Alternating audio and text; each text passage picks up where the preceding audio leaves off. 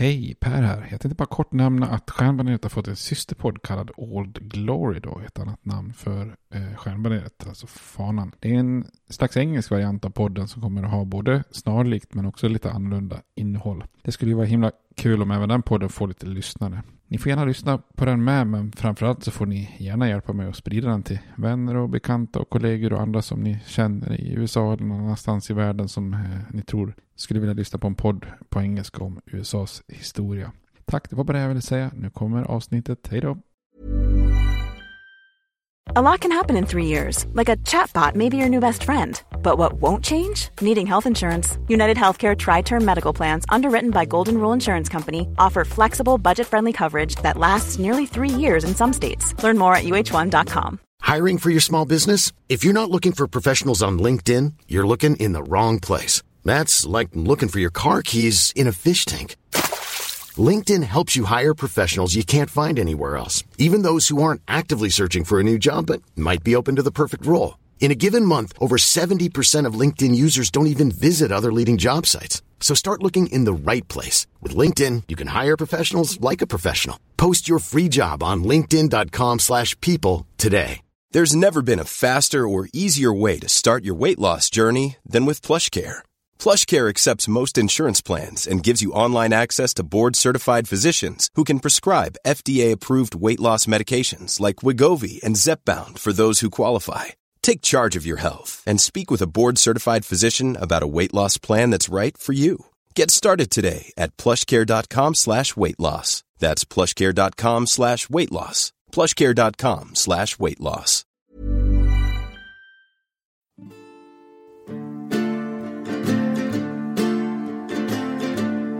We hold these truths to be self-evident, that all men are created equal, that they are endowed by their Creator with certain unalienable rights, that among these are life, liberty, and the pursuit of happiness.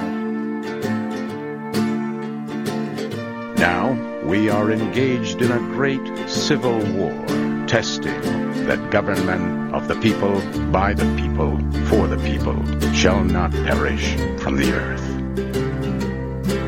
And so, my fellow Americans, ask not what your country can do for you, ask what you can do for your country. I have a dream. My four little children will one day live in a nation where they will not be judged by the color of their skin, but by the content of their character. Mr. Gorbachev, tear down this wall. I did not have sexual relations with that woman, Miss Lewinsky. Då säger vi återigen hej och välkomna till Stjärnbaneret. Jag vet inte om vi behöver presentera oss fortfarande. Men kanske måste En allt fler. podcast om USAs historia. Bra, det glömde jag. Ja. Med mig, Robert Vux, och med dig, Per. Fjärde, jag höll på att säga Karlsson. Fjärdingby. Ja, ja. Det kan dyka upp Ja. ibland. Ja. jo. Ehm, ja, vi fortsätter helt enkelt vår serie om inbördeskriget. Vi är framme vid avsnitt fem. Ja, och då tänkte jag att vi skulle ta lite grann av en paus från det militära och eh, hoppa in på den här själva knäckfrågan om slaveriet och slaveriets avskaffande. Mm. Eh, och gör vi en liten tillbakablick som du brukar tycka att jag ska göra och som någon hade mejlat om också. Det är bra att vi gör en tillbakablick. Så att, eh, då kan man väl säga så här att vi, eh, kriget kom igång rejält förra avsnittet och eh, nordsidan vinner ju ganska stora framgångar i väster då. Där de här Fort Henry och Fort Donaldson och slaget i Shiloh där. Grant. Under ledning av Ulysses Grant. Japp. Eh, Eh, men man vann ju också en massa andra grejer då, längs kusterna, New Orleans, eh, man vann det, eller man vann inte det, men eh, strategiskt vann man också det första bepansrade slaget som vi pratade om. Eh, eh Virginia eller slash Merrimack mot eh, den lilla Monitor som John Eriksson skapade. Och utöver det då så avslutade vi helt enkelt avsnittet med en genomgång av den här stora kampanjen som äntligen kommer igång med George Little Mac McClellan. Eh, som resulterar i den här Peninsula-kampanjen som efter ett antal mindre belägringar och drabbningar då avslutas med det väldigt blodiga sju dagars slaget när man helt enkelt går loss på varandra under en hel vecka. Och vi tog också upp eh, den här lilla parallella kampanjen som Stonewall Jackson gör i Shenandoah-dalen som är ett, lite av ett militärt eh, mästerverk där. Så med det då så tänkte vi att vi går över lite grann och pratar eh, kanske mer politik och slaveriet här då. Men innan vi gör det så som vanligt så tänker jag mig att vi ska ha en ölrekommendation. Mm.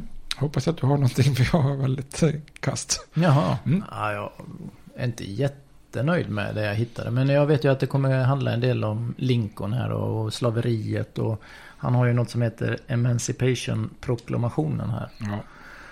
Och eh, jag har hittat ett bryggeri då. Som heter Emancipation Brewing Company. Och en av ägarna, vet du vad han heter? Lincoln. Ja, Coolt.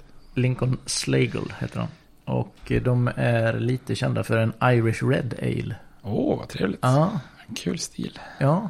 Det känns väl som en sån, ja, jag behöver inte säga gammal, men traditionell då. Ja, verkligen.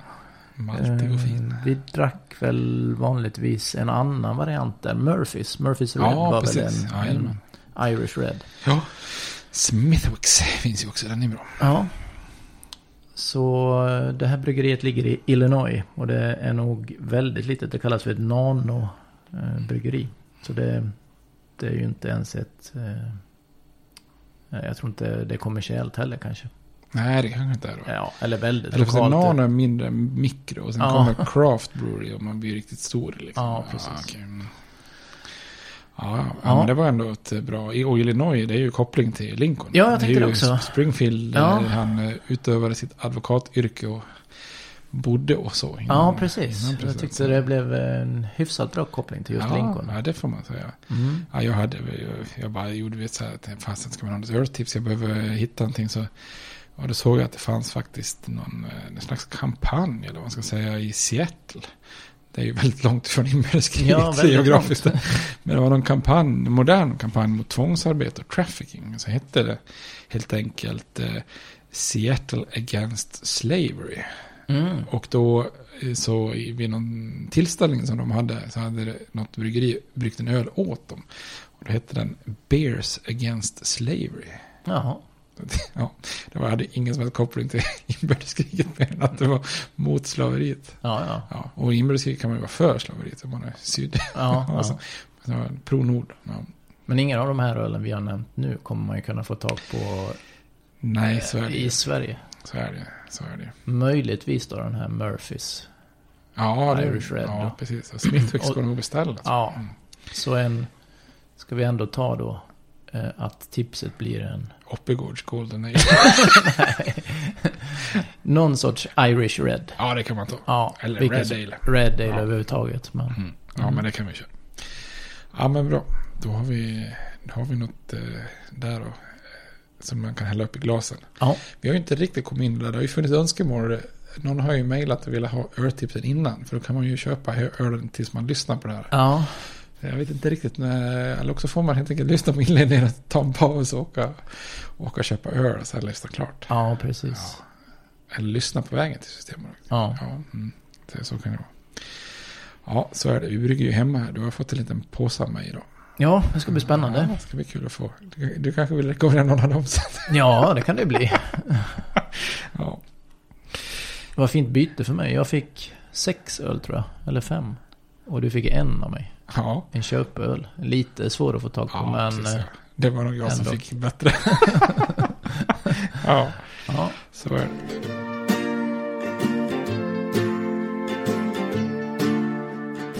Ja, men om vi hoppar tillbaks då till, eh, vad heter det, narrativet som man brukar säga. Mm. Eh, till historien om inbördeskriget då. Så ehm, kan man ju, det här som vi avslutade med då att Lee, general Robert Lee segrar över George McClellan under den här Peninsula-kampanjen, sju dagarslaget. Ehm, där har man ju kunnat ställa sig frågan så att säga, vad hände om han hade, hade hänt om det hade varit tvärtom här? Ha- Då kanske konfederationen hade skjutits i sank här tillsammans med alla andra förluster i västen. Det vet man inte. Det är svårt att spekulera i så att säga. Då.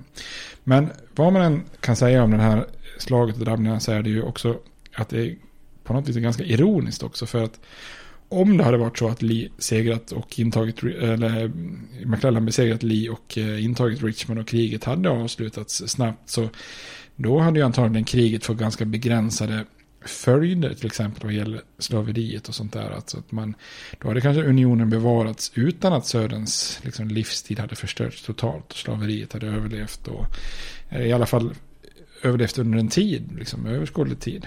Men Peninsula-kampanjen blir liksom på något vis en ganska tydlig vändpunkt att eh, nu är det nog slut på det begränsade kriget. Eh, för i nordstaterna har ju många, inklusive Lincoln, trott att de flesta vita i södern, alltså bland befolkningen, de skulle inte engagera sig så seriöst i en kamp för konfederationen och slaveriet. Alltså man tror att det finns, fanns många unionister och sådana som egentligen inte ville lämna unionen då. Och, eh, om arméerna i norr bara pressade södern lite grann så skulle folk ta sitt förnuft till fånga då.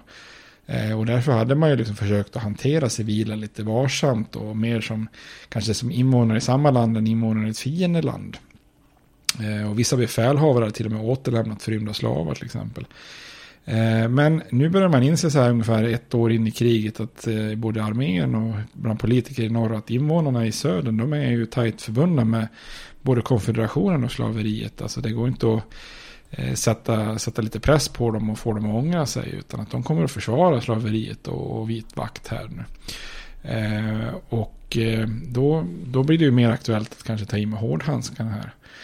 Eh, och många tror ju att det dröjer en bra bit in i kriget innan det handlar om slaveriet. Att, att liksom slaveriet kommer som en fråga långt in i kriget. Men det är ju faktiskt en ganska felaktig bild som etsat sig fast lite grann med, ska jag säga, mytiska proportioner nästan egentligen.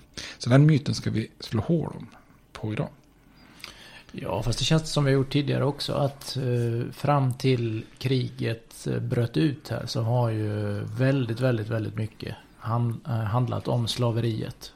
Om det ska tillåtas i olika stater och ja. man, man, har ju, eller man, vi har ju, du har gjort tydligt klart att kriget handlat till stor del om att man har olika syn på slaveri. Ja, ja. ja. Jo, det tror jag mycket. Det finns ett jättestarkt arv i USA att man i södern försöker putsa på den här bilden. Liksom. Och det tror jag många, många författare kanske har gått på också så att säga. Men eh, alltså, kriget är ett krig om slaveriet redan från start. Eh, problemet för republikanerna som sitter i makten i norr är inte egentligen liksom, om slaveriet ska avskaffas. Utan det är mer en fråga om hur. Eh, och vid tiden för inbördeskriget så, så ansåg en majoritet i norr att slaveriet är fel. Men man, ska man avskaffa det så måste det också vara i enlighet med konstitutionen. Därför att landet har ju trots allt en konstitution och en högsta domstol som hade varit väldigt välvillig i södern då i sin tolkning. Där mm. pratar om han chefsdomaren Roger Tony och den här Dred Scott-domen innan kriget. Och han sitter ju kvar i, på liksom ordförandeposten i HD. Så att allting som görs måste ju liksom passera hans, eh, hans konstitutionella bedömning då. Eh, och slaveriet har ju även av republikanerna tidigare setts, anses vara en lokal institution som inte den federala makten kan röra. Då. Men eh, slaverimotståndarna och abolitionister och republikaner de eh, har ju kommit till, alltså inför kriget har man ju sett att det finns ju faktiskt två vägar att avskaffa slaveriet. Det ena är ju politiskt och det andra är ju militärt då, med varsitt egentligen angreppssätt. Då. Eh, den politiska det är ju att man ska attackera slavarna, eller slaveriet i staterna indirekt genom att sätta press på det, stänga in slaveriet på något vis, att det sakta stryps. Och, eh, politiska åtgärder som man brukar kalla för en ring av frihet, när man pratar om det här, cordon of freedom, en slags instängning av, social, eller, av slaveriet. Då. Och Lincoln själv har ju innan kriget lovat att placera slaveriet på vägen mot, som han säger, the ultimate extinction. Och den politiska vägen innebär att man kan förbjuda slaveriet i territorierna, eh, inte skapa fler slavstater, förbjuda det i huvudstadsdistriktet, sluta verkställa lagen om förrymda slavar, sluta stödja det i utrikespolitiken, utse män från norr till HD etc. etc. Det finns jättemånga olika indirekta åtgärder man kan ta. Eh, som alla liksom långsamt bryter ner Söderns makt. Eh, utan att man liksom rör slaveriet i de befintliga staterna. Då. Man tänker lite så här, slaveriet är ett fruktansvärt system. Eh, och slutar man liksom att göda och stödja det, ja då kommer det ju självdö. Det är liksom utgångspunkten då. Så ekonomiskt och socialt så kommer slavstaterna implodera. Eh, så om inte slavekonomin är lönsamt i det eftersatta sam samhället som man ser södern är, så då kommer de här arroganta plantageeliten att tappa kontrollen och folkliga demokratiska rörelser kommer uppstå som, som inser att slaverisystemet är, är farligt. Då. Eh, och den, en andra aspekt av den politiska vägen det innebär att man då försöker bearbeta de här slavstaterna som finns i, i norr eller i unionen, alltså de här gränsstaterna som förblir lojala. Att man jobbar mot dem och föreslår en tid för gradvis avskaffande eller federal ekonomisk kompensation till slavägare eller att man bidrar till att befriade svarta återvänder till Afrika och så vidare. Och när, man har, när slavägarna i Delaware, Maryland, Kentucky och Missouri har övertalats då kan man sätta press på nästa led, liksom Virginia, Tennessee, Arkansas och så vidare. Då. Men en annan väg som Republikanerna ser framför sig redan från start är ju att slaveriet också kan avskaffas militärt. Då. Eh, och redan i det här eh, La Amistad-fallet som vi pratade om, eh, där forna presidenten John Quincy Adams försvarade de här slavarna så hade han slagit fast att slavar har en grundläggande mänsklig rättighet till frihet. Och vid rätt tillfälle, liksom, exempelvis ett krig, så, så, så kan, man, eh, kan man då ta sin frihet. Och i, ett krig gäller krigets regler och en förrädare i, i södern kan ju inte förvänta sig något konstitutionellt skydd av en egendom av den stat som man olagligt har gjort uppror till på något vis. Så republikanerna är ganska tydliga under den här så kallade secessionskrisen, alltså vintern 60-61, alltså 1860-61. De varnar ju Södern gång på gång att deras hot om att lämna unionen för att, så att säga, skydda slaveriet, även om det är via krig, eh, det är ju feltänkt. Alltså, de, alltså lämnar man unionen och tar till vapen eh, då menar ju Republikanerna på att då kommer ju slaveriet att falla betydligt snabbare än om de faktiskt stannar kvar i unionen. Så Republikanerna i praktiken ger ju egentligen då kan man säga Södern två alternativ. Alltså stanna fredligt i unionen och räkna med ett program som gradvis kommer att avskaffa slaveriet på sikt. Eller eh, kriga mot oss då. Och då kommer det bli ett ganska omedelbart och antagligen brutalt avskaffande av slaveri som går fortare. Mm. Och Södern vill ju inte ha något av det här så de försöker ju bevara slaveriet helt genom att chansa då på självständighet och krig. Eh, och det är det här vi pratar om lite grann. Många har ju tolkat liksom Söderns agerande när man lämnar unionen som irrationellt eller alltså, hysteriskt eller massa paranoida föreställningar. Men allt som de egentligen gjorde där, secessionisterna, oavsett om man tycker att det är sympatiskt att kämpa för slaveriet, är ju att ta det republikanerna säger för sant. Mm. Och som vi kommer att se här så är det ju faktiskt så att det är ingen vaneföreställning utan det är ju verkligheten i allra högsta grad. Lincoln och republikanerna sätter ju fart redan från början för att just eh, ja, driva igenom de här grejerna. Då. Mm. Så just slaveriet och krigets mål, det skulle jag vilja säga, det är en av de allra mest miss, missuppfattade frågorna gällande inbördeskriget. Där det liksom har uppstått en massa myter, väldigt oftast kopplat till Lincoln som person då. Och, hans, och Lincolns emancipationsproklamation då. Eh, men jag tror nyckeln för att förstå allt det här är att man måste skilja på militärt och eh, politiskt avskaffande av slaveriet. Rent politiskt var ju Lincoln och de flesta republikanerna väldigt försiktiga i början av kriget. Därför att Eh, man gäller ju att hålla kvar de här fyra lojala slavstaterna som vi pratar ganska mycket om. Att förlorar vi dem då kanske vi förlorar kriget. Då. Och man vill inte heller stöta sig med demokrater i norr liksom för att skapa patriotism. Då. Och rent rättsligt så finns det då en hel del hinder att komma över, alltså med HD. Då. Så Lincolns tidigare plan är ju att övertala kongressen att rösta igenom ekonomisk kompensation till slavägare övertala de här fyra gränsstaterna att frivilligt avskaffa slaveriet och sen då försöka övertala frigivna slavar att återvända till Afrika då. Ehm, men det skulle visa sig att södern, att, att det liksom, slaveriet skulle kunna avskaffas utan ekonomisk katastrof och social revolution. Eh, det, det är ju liksom svårt. Eh, om slaveriet inte är värt att, alltså man försöker, Lincoln vill övertala att om slaveriet är inte värt att strida för. Eh, eftersom det går att liksom avskaffa det då utan någon form av eh, total revolution då. Så förenklat så kan man ju säga att republikanerna från start säger att det här är ett krig för att bevara unionen.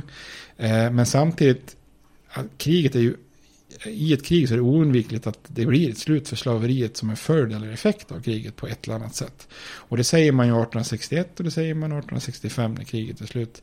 Alltså krigets mål är hela tiden att bevara unionen. Men en effekt och följd av det är då slaveriets eh, död kan man säga.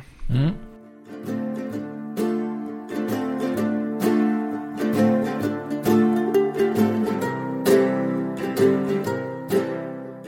Går det till när man börjar avskaffa slaveriet då? Och hur funkar det i de här, det, vi pratade ju om att det, var, det är fyra slavstater med här. Och hur, hur löser man detta? Ja, man kan säga att de här fyra slavstaterna är ju en av de hårdaste nötarna och eh, knäcka då. Eh, men i mycket av det andra så har man faktiskt republikanerna redan under krigets första år levt upp till flera av sina löften då. Så har man liksom inlett alla vägar mot slaveriets avskaffande.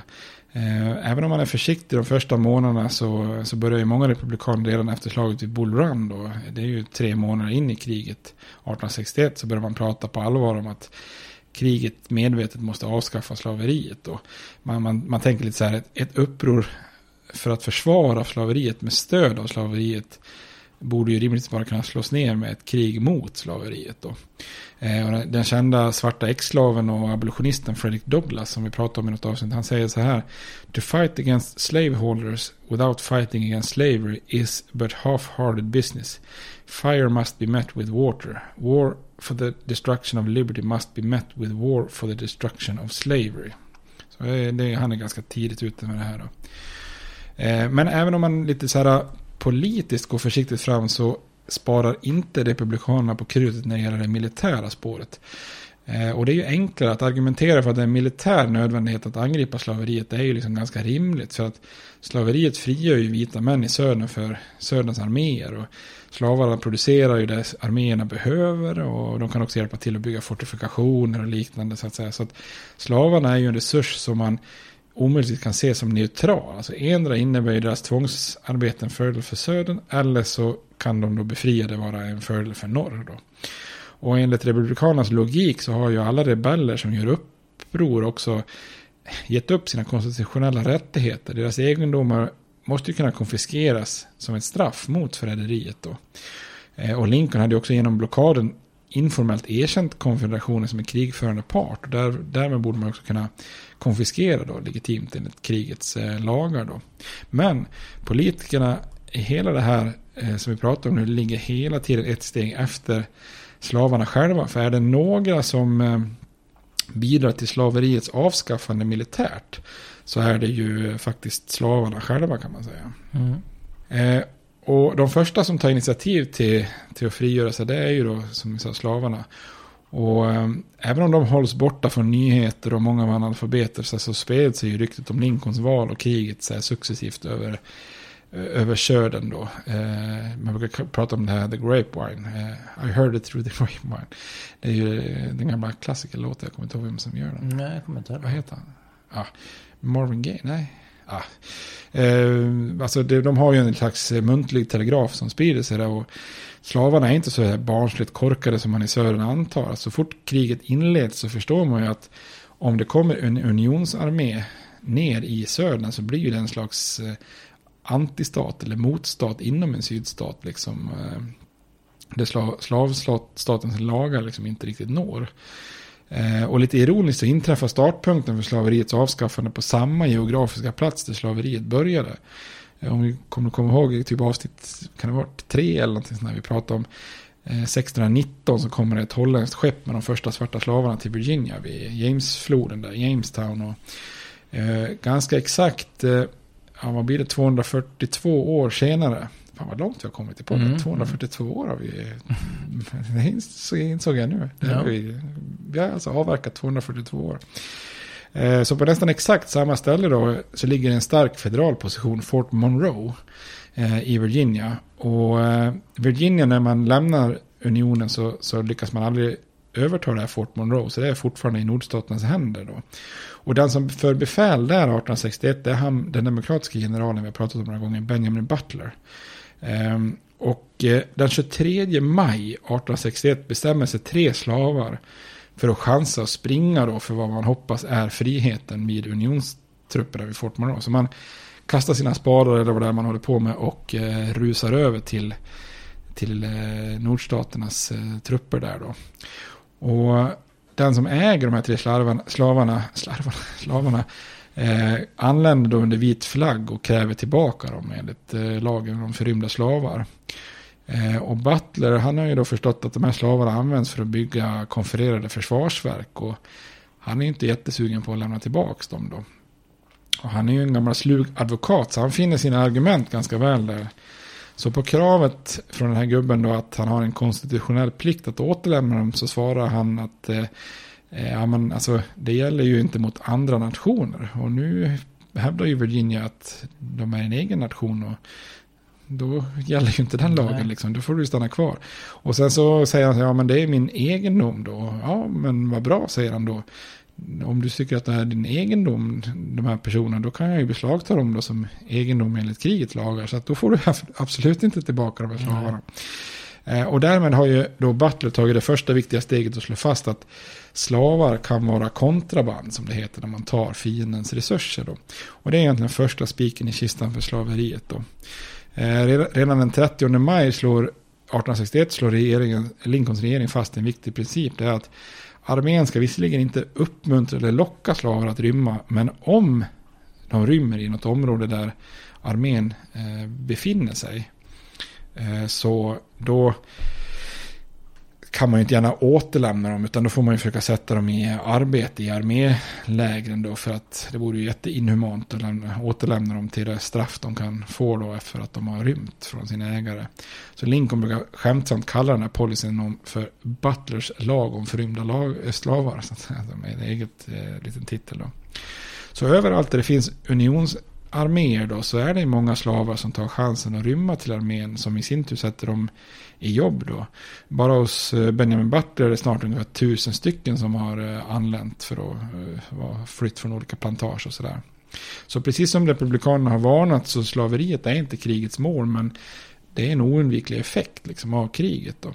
Men då uppstår det ju en hel del frågor då. Alltså, vad, vad, vilken status har de här kontrabanden då? Om slavar var egendomar som konfiskeras, är de då helt plötsligt egendomar som har bytt ägare och nu ägs av USAs armé. Eller det låter ju inte heller speciellt rimligt. Eh, ja, men då måste de ju vara fria eller... Ja, det här blir liksom lite konstigt då. Så samtidigt som Butler och andra befälhavare agerar ute på fältet så debatterar man de här frågorna i, i eh, en ny konfiskeringslag i kongressen i juli 1861. Eh, och demokraterna de anklagar Lincoln och republikanerna för att för ett okonstitutionellt krig då. Och det största beviset på det är ju att armén lagt sig i slaveriet i slavstaterna menar de då. Eh, och republikanerna svarar att målet med kriget är att bevara unionen, inte att avskaffa slaveriet. Men om kampen för unionen drar ut på tiden och slaveriet behöver förstöras som ett medel för att rädda unionen ja men då, då är slaveriet dödsdömd då. Eh, många republikaner som är lite mer moderata kanske beklagar att det har kommit dit, men de skulle inte tveka att göra det valet om det är så då.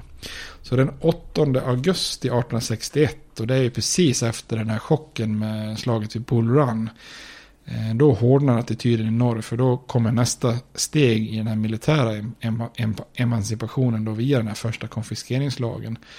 Eh, kongressen slår då fast att, eh, att eh, det som regeringen och militären redan inlett, att, att slavar kan tas från slavägare och befrias som en militär nödvändighet om deras arbete har stött rebell, rebellernas krigsinsats. Det drivs igenom då så att säga. Och lagen är ju lite missvisande, alltså konfiskeringslag. Det handlar ju Eh, både om att konfiskera egendomar men också som i en annan lydelse är alltså att man eh, faktiskt eh, befriar personer. Då, så att säga. Eh, så då kan man säga så här, eh, tre månader in i kriget redan så har alltså tiotusentals slavar redan befriats från södern då.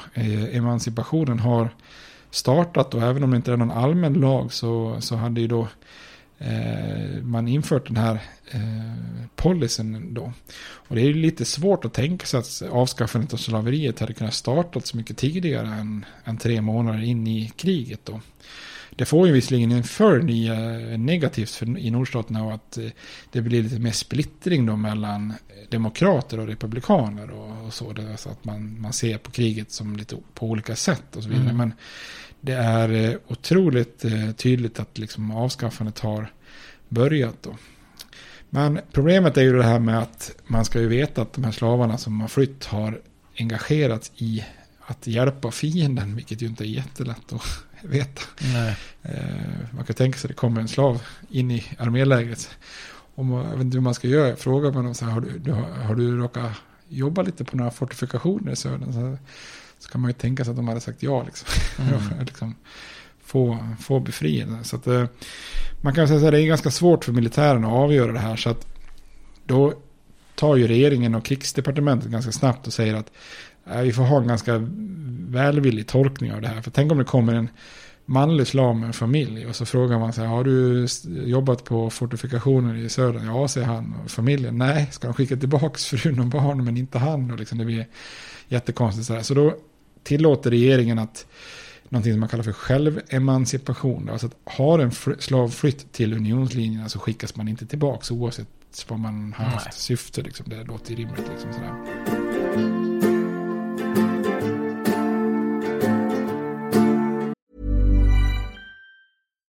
Millions of people have lost weight with personalized plans from Noom, like Evan, who can't stand salads and still lost 50 pounds. Salads, generally, for most people, are the easy button, right? For me, that wasn't an option. I never really was a salad guy. That's just not who I am. But Noom worked for me. Get your personalized plan today at Noom.com. Real Noom user compensated to provide their story. In four weeks, the typical Noom user can expect to lose one to two pounds per week. Individual results may vary. Hey, it's Ryan Reynolds, and I'm here with Keith, co star of my upcoming film, If, only in theaters, May 17th. Do you want to tell people the big news? All right, I'll do. Sign up now and you'll get unlimited for $15 a month in six months of Paramount Plus Essential Plan on us. Mintmobile.com slash switch. Upfront payment of $45 equivalent to $15 per month. Unlimited over 40 gigabytes per month. Face lower speeds. Videos at 480p. Active Mint customers by 531.24 get six months of Paramount Plus Essential Plan. Auto renews after six months. Offer ends May 31st, 2024. Separate Paramount Plus registration required. Terms and conditions apply if rated PG.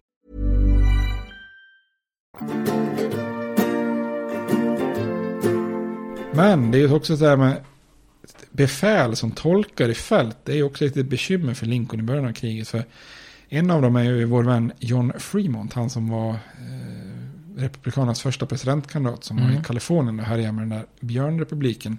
Han har ju ett befäl i Missouri i början av kriget. Och han är ju allt annat än skicklig militär så han klantar sig ganska mycket och för att undvika att få sparken så försöker han flörta lite med de radikala republikanerna så han utfärdar ett undantagstillstånd och proklamerar att alla slavar i Missouri är frigivna. Och samma sak händer efter den här flottans seger vid Port Royal som vi pratade om i- lite grann tidigare.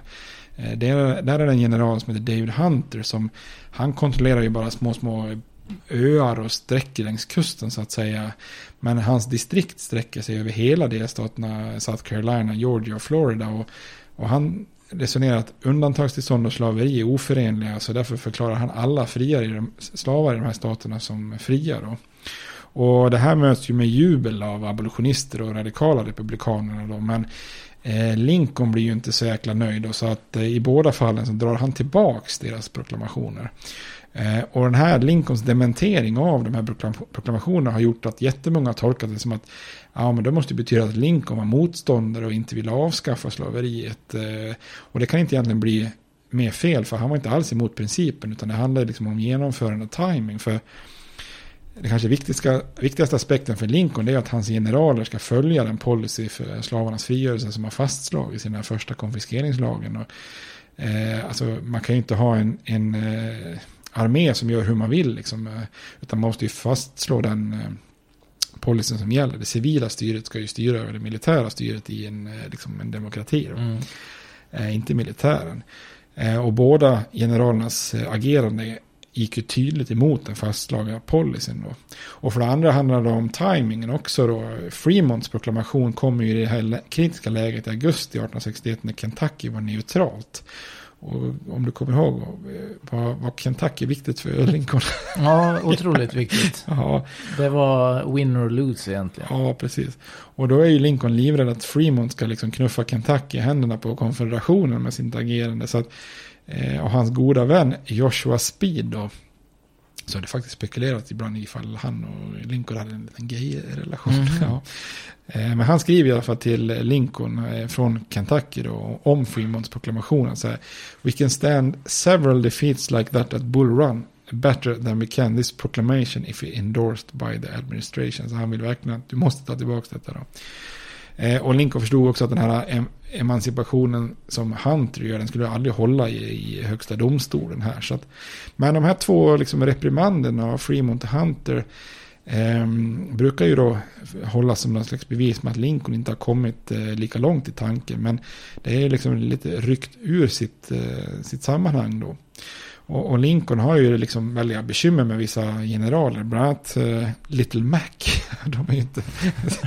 kommer tillbaka till det. Men Little Mac han är ju demokrat. och Han ser ju framför sig ett begränsat krig. Så att eh, alltså, när han hör talas om sånt här. Han skriver ju bland annat i, i ett brev till en vän där eh, i november. Med ord som man kanske inte skulle använda idag. Men han skriver så här. Eh, Help me dodge the nigger. We want nothing to do with him. I'm fighting to preserve the integrity of the union. To gain that end we cannot afford to mix up the negro question. Så han vill liksom inte alls ha någonting med att krig för slaveriets avskaffande. Då. Och i sitt årliga tal i december 61 så, säger, så är Lincoln försiktig och noggrann och säger att kriget shall not degenerate into a violent and remorseless revolutionary struggle. Eh, och det är också ett sånt där uttalande som brukar lyfta fram för att eh, Lincoln liksom eh, inte vill avskaffa slaveriet. Men här är ju liksom, det är en situation där det är bara McClellans armé som skyddar Washington så att han är lite rädd för att det ska gå överstyr, överstyr om han är för noga så att säga då. Eh, de radikala republikanerna däremot de är liksom inte alls eh, rädda för att det ska bli någon slags revolutionär eh, liksom, kamp det här. En av de allra mest kända då, Thaddeus Stevens, som i den här filmen Lincoln spelas av, vad heter han? Eh, Ingen aning. Ja, vad fan heter han? Som spelar i Jagad och... eh, Tommy Lee Jones. Timmy Lee Jones, ja just det. Han spelar honom i den filmen. där. Du sa Timmy. Tommy. Tommy Lee Jones. Ja, Ti- ja, Tim, eh, Tim. Jones, ja. Ja. Nej, men Tommy Lee Jones, han spelar i Thaddeus Stevens i den krigen. Och han, Thad Stevens, han säger så här. Free every slave, slave, slay every traitor, burn every rebel mansion. If these things be necessary to preserve this temple of freedoms. Så han ville ha en riktigt hårt krig där då. Ja, det var riktigt hårt. Ja. Och Republikanerna slog inte av på takten då. För första halvåret 1862 så tar man häpnadsväckande steg politiskt kan man säga för att avskaffa slaveriet. Häpnadsväckande alltså. Ja, fullkomligt Ja, ja, häpnadsväckande. ja. Vad, vad, nu får du berätta vad det kan vara. Ja, jo det ska jag göra. Nu känner jag att jag har skrivit upp det. här, Så Ja, verkligen. När du tar till väldigt, Jo, men väldigt det- stora ord här. Ja, det är så här då att Republikanerna levererar då på sitt löfte om att stänga in slaveriet. Och att agera via den federala makten för att ja, liksom långsamt strypa eh, slaveriet. Ehm, och mycket av det man gör då det är ju så frågor som hade varit helt otänkbara för en, Eh, för en majoritet innan kriget. Då. Alltså så alla, alla de här frågorna vi pratade om eh, innan kriget som är så jobbiga att ta tag i med slaverifrågan. Men i och med att elva slavstater har lämnat unionen så då har ju helt plötsligt republikanerna en jäkla majoritet att driva igenom nästan vad som helst i kongressen. Då. Eh, så då går det i ganska högt tempo. Då. Det blir, för det första blir det ett stopp för nya slavstater. Så när den här West Virginia som vi pratade om, när de försöker ta sig upp i unionen eh, så vill ju de ha kvar några få slavar och sådär. Och det vägrar ju då kongressen. De säger att nej, liksom, ni måste eh, skriva en konstitution där slaveriet förbjuds åtminstone gradvis för att eh, det, annars blir det inte en del av unionen här. Så att, och det är ju det som skjuter upp eh, till att, att West Virginia inte kommer till unionen förrän 1863 när man går med på de här kraven. Men det är Efter ett konvent. Jaha, precis. Efter mm. två, tre, Mm. tre konvent kanske. Så att det är ju en viktig fråga. Inga nya slavstater, absolut inte. Och man lägger också om utrikespolitiken. För utrikespolitiken har ju väldigt mycket stött slaveriet. Och, och i början av 1862 så tar man emot den första ambassadören från den svarta republiken Haiti till exempel. Eh, tas emot i Washington. Och eh, utrikesministern Seward, då, han lyckas efter den här Trent-affärens krisen då eh, så lyckas han skriva det första samarbetsavtalet eh, med Storbritannien om att stoppa slavsmuggling. Där har ju USA sett väldigt mycket mellan fingrarna och gjort väldigt dåliga insatser. Liksom så. Och den 16 april 1862 skriver Lincoln på en lag om som avskaffar slaveriet i huvudstadsdistriktet. Något som också varit väldigt kontroversiellt då. Och den 9 juni 62 så röstas en lag igenom som säkrar att slaveriet aldrig mer får existera i territorierna. Och det är ju liksom egentligen rätt spännande för då har man ju läst, löst själva knäckfrågan. För det är ju den frågan som innan kriget ledde till så otroligt stora konflikter. Mm. Ska det bli en slavstat inte? Vad ska hända i territorierna som vi har erövrat från Mexiko och så vidare. Och, eh, det som bokstavligt talat ledde till blödande Kansas. Liksom. Mm. Det, den grejen bara, tjopp, nu löser vi den. Liksom. Mm. Det, får aldrig mer vara slaveri i territorierna. Så att, den här frågan har ju splittrat landet från det att Jefferson, Davis, eller Jefferson Davis, eh, Thomas Jefferson på 1780-talet började organisera de här västra territorierna. Eh, och de här åtgärderna röstas ju igenom kongressen och skrivs under av Lincoln då. Men just i den här tiden så får ju Lincoln en hel del kritik från de abolitionister och de lite mer radikala republikanerna. De tycker liksom inte att han, eh, liksom att han verkar seg och inte gör någonting för att avskaffa slaveriet. Och Lincoln, han upprepade gånger så säger han så här, ja men hörni, jag är inte så långsam som ni tror. Det är snarare så att ni inte märker det. Eh, och faktum är ju att Lincoln han har ju backat upp eh, general Butler när det gäller de här kontrabanden. Han har skrivit under den första konfiskeringslagen. Han har låtit krigsdepartementet liksom ha en bred tolkning när man implementerar den här lagen och så vidare. Eh, och sen har ju Lincoln också agerat men inte så officiellt för att eh, han har ju en stor respekt för de här gränsstaterna. Och, och det är kanske den frågan som är mest problematisk. Alltså vad ska republikanerna göra åt slaveriet i de här lojala gränsstaterna? Eh, dels är man ju beroende av att hålla de här staterna kvar i unionen. Eh, och så finns det också tvivel om att den federala staten har konstitutionell rätt att röra slaveriet där det redan existerar. För att militär frigörelse är ju inte ett alternativ, för de är ju lojala. De är ju, de är ju inte i ett uppror. De har inte gjort ett förräderi, de är ju inte en del av konfederationen. Så att, och då är frågan, vad kan man göra där då? Och vad de här kritikerna inte visste var att Lincoln redan i november 1861 har skissat på ett förslag att avskaffa slaveriet i gränsstaterna. Då. Och det Lincoln ser framför sig det är ju då tre åtgärder. Då. Dels ett, ett datum som sätter en gräns för när slaveriet ska avskaffas gradvis. Eh, slavägare ska kompenseras med federala medel och eh, de befriade slavarna ska övertalas och få bidrag till att koloniseras, alltså, alltså flytta tillbaka till Afrika. Då. Det som är problemet är att i de här gränsstaterna är man inte särskilt villig att lyssna på Lincolns eh, plan. Då. Eh, vissa ifrågasätter konstitutionellt, kan kongressen verkligen avsätta federala medel för att kompensera slavägare? Det tycker de verkar konstigt. Då. Och de afroamerikanska leden, de är ju väldiga motståndare till koloniseringen där. Han Frederick Douglass, eh, han säger om koloniseringen. For 228 years has the colored man toiled over the soil of America under a burning sun and a driver's lash. Plowing, planting, reaping, that white men might roll in ease. Their hands unhardened by labor. Och då menar han att förslå, föreslå då i det här läget att man ska förvisas från det här landet. Det är inte tänkbart. Han, så han säger så här, we, we live here, have lived here, have a right to live here and mean to live here. Så att eh, det, ja, det här planen att de ska kunna skickas tillbaka till Afrika, det, det får de ju avskriva ganska snabbt då så att säga. Mm. Men många missar, eh, som beskriver Lincoln som avigt inställd till frigörelsen, eh, Eh, missar ju att eh, Lincoln i, i sitt tal redan i mars 62 eh, uppmanar kongressen att rösta igenom en sån här kompensation för slavägare som frivilligt befriar sina slavar. Och han, han är ju övertygad om att slavet, slaveriet kommer att dö ut på ett eller annat sätt. Då. Och enligt han, så att säga, mitt förslag då, som han kallar det, han beskriver det som gently as the dews, alltså Doug, uh, gently as the dews of heaven, not rending or wrecking anything, Will you not embrace it? You cannot if you would be blind to the signs of times. Eh, men det är vad de är i gränsstaterna. De, de vägrar det här. De, de eh, tror mer på demokraternas slogan som heter The Union as it was. Brukar demokraterna mm. säga. Och de hoppas på att ja, nej, men vi kan nog blunda så får vi nog behålla slaveriet i gränsstaterna här.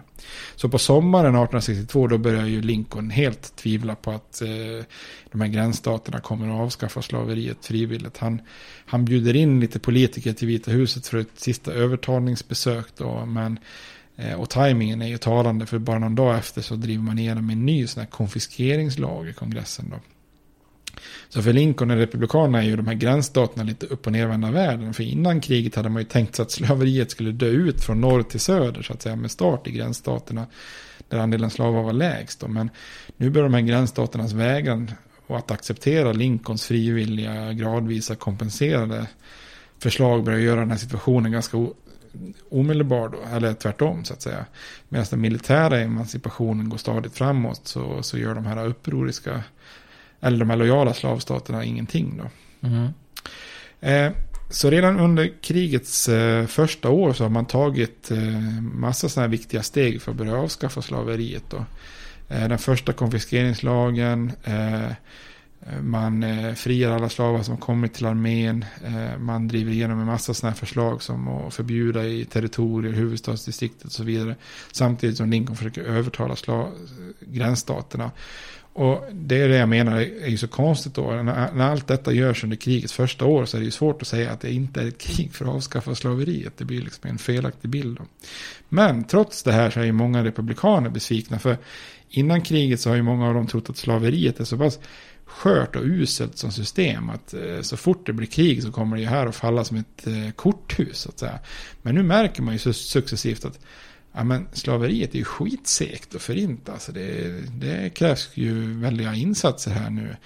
Eh, till och med de här eh, lojala staterna vägrar ju. De här illojala staterna, de, de är ju verkligen liksom, eh, försöker skydda det här med allt de kan. Då. Så McClellans misslyckande under Peninsula-kampanjen.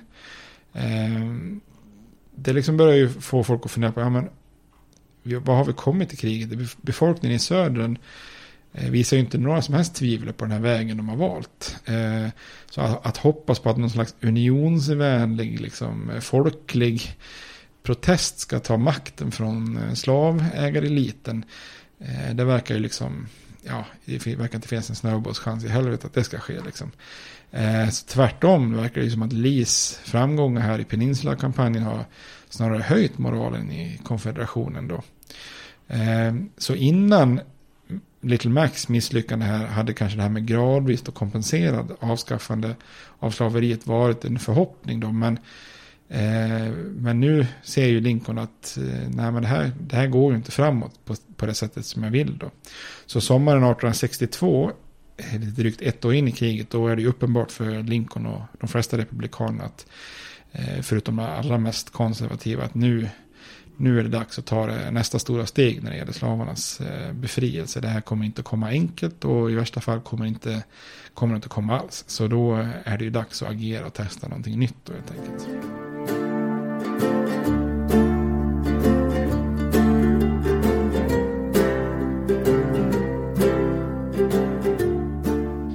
Är det Lincoln eller kongressen som agerar först här nu då? Eh, gissa.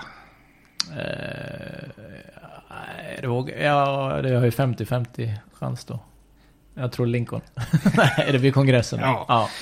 Jo då, det är eh, kongressen som äh, agerar först här då. Ehm, och de, de, har ju röstat igenom den här första konfiskeringslagen. Den har ju friat tusentals slavar då, men absolut inte liksom rått på slaveriets styrka och omfattning. Då. Och sommaren 62 så börjar många republikaner se att slaveriet är en avgörande styrka för konfederationens krigsinsats eh, som måste liksom förintas. Då.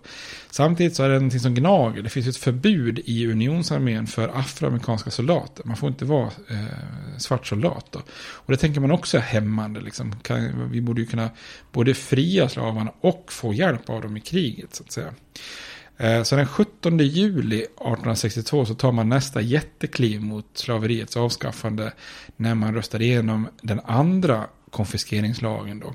Och den här lagen slår då fast vem som utgör en eh, ja, alltså vem som utgör en eh, rebell eller ehm, upphov, upprorsmakare, vad man ska säga då. Eh, hur man rättsligt döms och hur den federala makten kan konfiskera en rebells mark och egendomar men också hur deras slavar kan befrias. Då. Eh, och alla slavar som tillhörde någon som kunde listas och dömas enligt den här lagen som rebell skulle därmed vara fri då. Och med ens då blir ju alla slavar i alla områden som unionsarmén ockuperat blir då i princip fria då. Eh, tidigare har ju slavarna behövt agera själv liksom, och fly till armén. Och nu, nu blir liksom armén snarare en befriare var den än drar fram. Då. Eh, och det som är häpnadsväckande med den här konfiskeringsakten är att man också i samma lag häver den här lagen om förrymda slavar. Eh, och man tänker på alla de här kontroverserna innan kriget med Onkel Toms stuga och ja, eh, vi pratar om det här med olika förrymda slavar och underjordiska järnvägen och allt det. Så, eh, ja, men då är det ganska stort steg att ta att häva den här äh, lagen då. Och det är ju för att göra det tydligt att ingen befälhavare, oavsett vad du tycker politiskt, ska kunna lämna tillbaka en slav som har kommit till unionsarmén. Då. Och även om den här lagen får namnet den andra konfiskeringslagen så kallades den av många vid den här tiden för emancipationslagen faktiskt. Och det kanske är mer passande namn på vissa sätt då. Eh, hade det inte varit uppenbart tidigare så var det uppenbart nu att eh, republikanerna tänkte förgöra slaveriet i konfederationen då, sätta hårt mot slavägarna. En sak man brottas lite med republikanerna här i den här dubbla karaktären som inbördeskriget är. Det är alltså, å ena sidan ser man det som ett inhemskt uppror och att man då eh, har förrädare som vars egendom kan konfiskeras. Å andra sidan ser man det som ett krig och att det är slavar som kan vara kontraband. Så det är alltid det här, det finns inneboende problematik. Är de ur mm. unionen eller inte? Är det ett inhemskt uppror eller är det ett krig? Liksom. Eh, och vanligtvis brukar den här andra konfiskeringslagen främst lyfta om, lyftas fram för att, som ett bevis på att kriget hårdnar och att civila inte längre ska hanteras snällt utan eh, att uppror ska straffa sig. Och det är sant, det kommer vi att prata om i, lite mer i nästa avsnitt när det blir lite hårdare tag på bland det militära och så vidare. Eh, men den här lagen innehåller också två delar på slutet som är revolutionerande. För i de sista paragraferna så, så ger den här lagen presidenten rätt att genom en presidentproklamation, alltså inte via domstolar, befria alla slavar som tillhör alla rebeller i hela det rebelliska området, alltså hela konfederationen som inte erövras då. Eh, enda kravet är att han måste varna alla rebeller minst 60 dagar i förväg då, så att de har chansen att lägga ner sina vapen inför det här hotet då. Och det är ju det som öppnar upp för Lincolns berömda proklamation då, så att mm. säga. Dessutom så ger lagen presidenten rätt att häva det här förbudet mot afroamerikaner i armén då. Så kongressen öppnar upp här nu för svarta soldater om Lincoln och administrationen vill så, så, så är det okej okay, så att säga. Mm. Så här har vi alltså en lag som befriar alla slavar i redan erövrade konfederation, i redan erövrade konfedererade områden som ockuperas av nordstatstrupper. Eh, som avskaffar lagen om förrymda slavar och som öppnar upp för svarta trupper i unionsarmén och som ger presidenten då befogenhet att utfärda en proklamation då Eh, och för, för många på samtiden, i, i, på den här tiden var det ju häpnadsväckande. Många demokrater, de ropar ju liksom skandal, skandal. Där de tycker det här är helt horribelt. Så det blir en väldigt hetsk debatt där då. Eh, demokrater hävdar att sådana här åtgärder och lagar, det är ju bara totalt onödig agitation. Liksom. Eh, de menar att det, det är en sån här typ av onödig agitation som har skapat kriget. Medan republikanerna då säger nej, det var slaveriet som skapade kriget. Och demokraterna hävdar att allt hopp om att återförena unionen är ju borta om vi driver igenom sådana här lagar. Medan republikanerna svarar att nej, men det är uppenbart att unionisterna i söder är så svaga så att det är lönlöst att hoppas på att de kan ta makten från slavägarna. Så det här är det enda sättet att, att faktiskt bevara unionen. Då. Så man har helt totalt helt olika syn på hur kriget ska föras då. Och många inom armén då eh, har ju också börjat rapportera att när arméerna kommer söderut så det enda man kan lita på det är ju slavarna så att säga. Eh, slavarna ger ju armén jättemycket uppgifter och alltså spionage och rekognosering och sånt där. Och Fredrik Douglas, då den ex-slaven, han säger det själv här att det är ganska tydligt, det finns liksom inga illojala slavar. Alla slavar är pro-norr. Liksom. Det mm. finns ingen slav som är pro-södern. Liksom. Eh, och enligt allt fler då i norr så hade ju unionens arméer inte bara liksom en skyldighet att slå ner ett uppror utan man har faktiskt en skyldighet att skydda de här fyra miljoner slavarna i södern. Då. Så emancipation av slavarna är inte bara ett straff mot förrädare utan det är också en belöning för slavarnas lojalitet då, helt enkelt. Eh, så den andra konfiskeringslagen öppnar upp för presidenten att agera och Lincoln har ju själv då sommaren 1862 tänkt att utföra sin eh, berömda emancipationsproklamation då.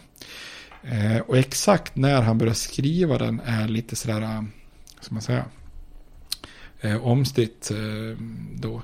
Eh, men enligt eh, sjöministern Gideon Wells så berättar Lincoln för honom och utrikesministern William Seward den 13 juli 1862 att han har bestämt sig för att utfärda en proklamation proklamation. Han säger att jag har tänkt på detta dag som natt i flera dygn. Liksom. Eh, och han säger att en proklamation är då a military necessity, absolutely essential to the preservation of the union. We must free the slaves or be ourselves subdued. Så att eh, det är, liksom de, det är så han ser det då. Och kanske började han skriva den då för drygt en vecka senare, den 22 juli 1862. Alltså bara fem dagar efter att kongressen röstade igenom den andra konfiskeringslagen. Så presenterar han sitt första utkast för de övriga i regeringen då.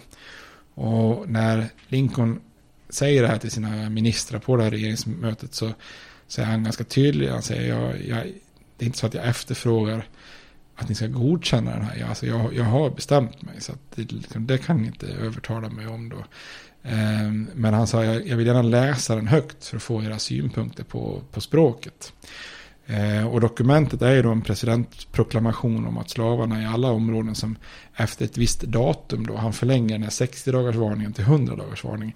Han säger, kommer att säga att, att när, eh, när efter ett visst datum om man fortfarande befinner sig i uppror mot USA så, kommer, så ska dina slavar friges då. Och Lincoln har ju haft lite tvivel på den här andra konfiskeringslagen. Inte så mycket kring det här med slavarnas frigörelse. Men huruvida det finns konstitutionell rätt att ta egendom från rebeller. Och han, han misstänker att HD kommer att kunna ifrågasätta en sån här sak. Så en proklamation från honom ser han som ett mer robust vapen. Därför att en sån proklamation kan ju bygga på att han har makt som commander in chief. Liksom. Och den här befogenheten ger honom ju rätt att föra krig mot landets fiender och låta armén skjuta rebeller och låta flottan ta deras eh, skepp. Och då tycker han då är det naturligt att det ligger i min makt också att ta deras slavar. Då, så att säga. Så eh, det kanske inte är så att de flesta ministrarna blir så himla överraskade eller att det är så jätte, jätte kontroversiellt. Utan de flesta ministrar tycker att han har skrivit en ganska bra proklamation då så att säga. De har inte så mycket synpunkter. Däremot så säger då utrikesministern William Seward att eh, han har ett praktiskt förslag. Han tycker att, att utfärda en sån proklamation direkt efter McClellans eh, svidande då, eh, nederlag i den här Peninsula-kampanjen skulle ju lätt få det att se ut som en, liksom en desperat åtgärd. Till exempel mm. det här med att beväpna svarta skulle se ut som en desperat grej för eftersom vi har förlorat det slaget. Så han tycker så här, det är inte bättre att vänta liksom. Och så när vi har vunnit någon stor militär seger. Eh, då liksom kan vi släppa proklamationen då, liksom, när det är lite medvind där. Eh, och Lincoln han säger, det hade jag faktiskt inte tänkt på, jag köper det resonemanget. Så att eh, han lägger helt enkelt emancipationsproklamationen där i juli i sin skrivbordslåda i ovala rummet och eh, tänker att den ska få vänta då på, på, eh, på ett, en, en stor seger. Och där i skrivbordslådan får den kanske vänta lite längre än vad han hade tänkt sig. Mm. Kan man säga. Det blir som en cliffhanger. Kan man säga? Ja. Ja, ja, ja vi ska se. Det finns, det finns nya, nya förluster för unionsarméerna som kommer. Ja. Mm. Men då har vi, vad heter det, pratat om hur slaverifrågan hanteras också. Så att säga. Vi kommer ja. att få en fortsättning på den också. Då, så att säga. Men, eh, eh men jag tycker den, eh, det är så himla förenklat. Oftast man brukar bara säga att eh, nej, men Lincolns emancipa, emancipationsproklamation som kommer mitt i kriget är det som frigör slavarna. Mm. Men det är bara en del av jättemycket och det är heller inte det som slutgiltigt befriar alla slavar heller. Så det är ju en otroligt förenklad bild som jättemånga har. Man får, man får frågan så här, vem befriar slavarna i inbördeskriget? Så skulle jättemånga säga, ja men det var ju Lincoln, han gjorde mm. sin proklamation där. Nej, men vänta nu, liksom. för det första, man skulle kunna lika gärna svara att det är slavarna själva som fly, mm. flyr och strider. Och, och kongressen med de här konfiskeringslagarna gör ju jättemycket också. Så att det, ja, det är inte så. Eh, frågorna är mer komplexa än vad man kanske kan tro. Mm. Mm.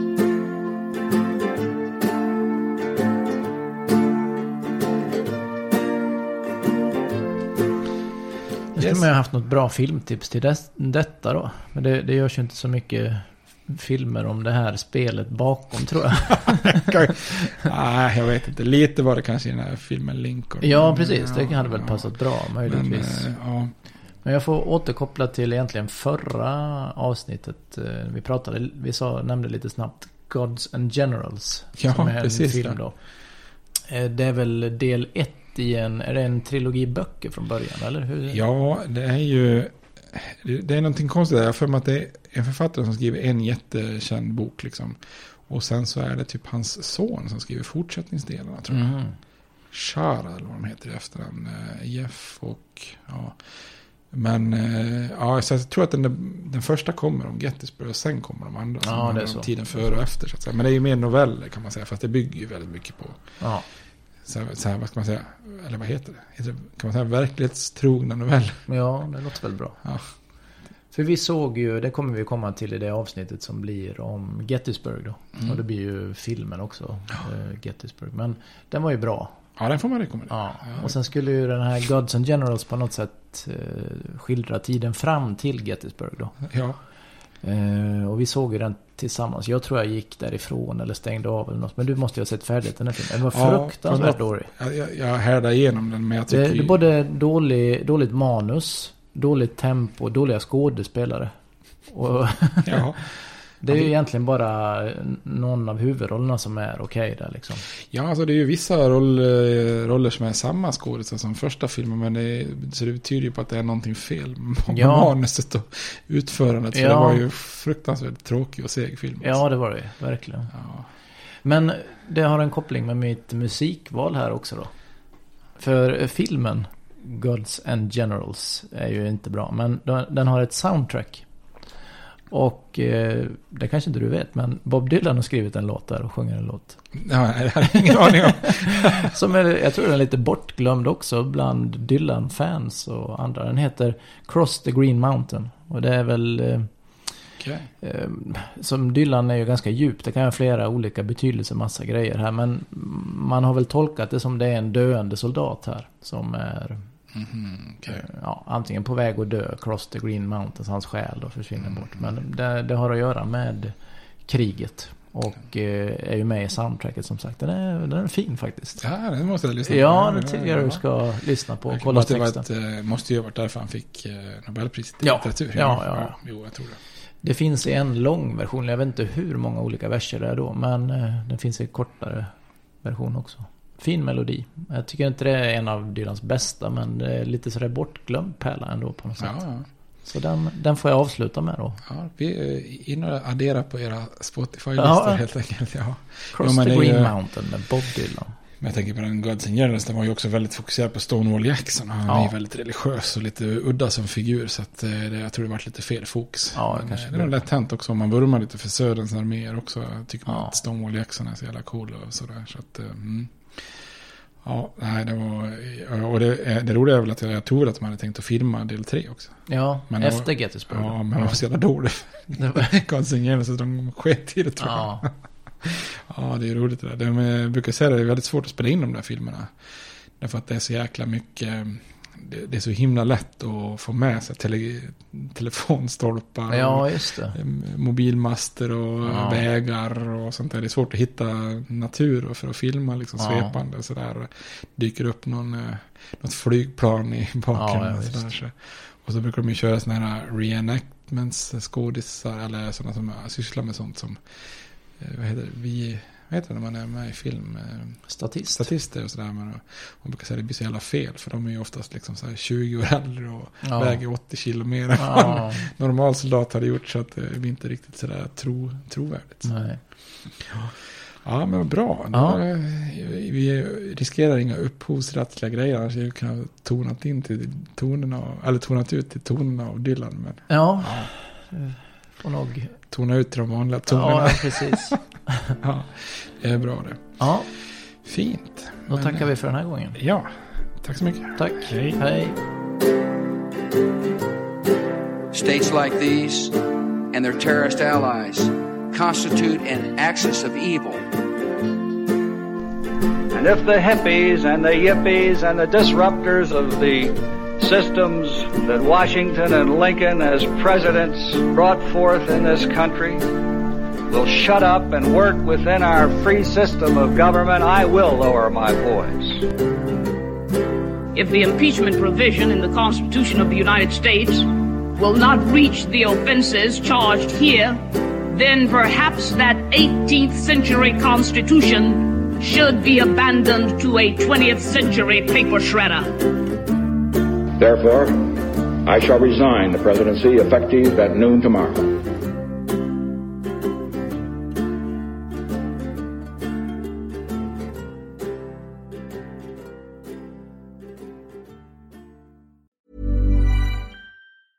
Even when we're on a budget, we still deserve nice things. Quince is a place to scoop up stunning high-end goods for 50 to 80% less than similar brands. They have buttery soft cashmere sweaters starting at $50, luxurious Italian leather bags, and so much more. Plus, Quince only works with factories that use safe, ethical, and responsible manufacturing. Get the high-end goods you'll love without the high price tag with Quince. Go to quince.com slash style for free shipping and 365-day returns.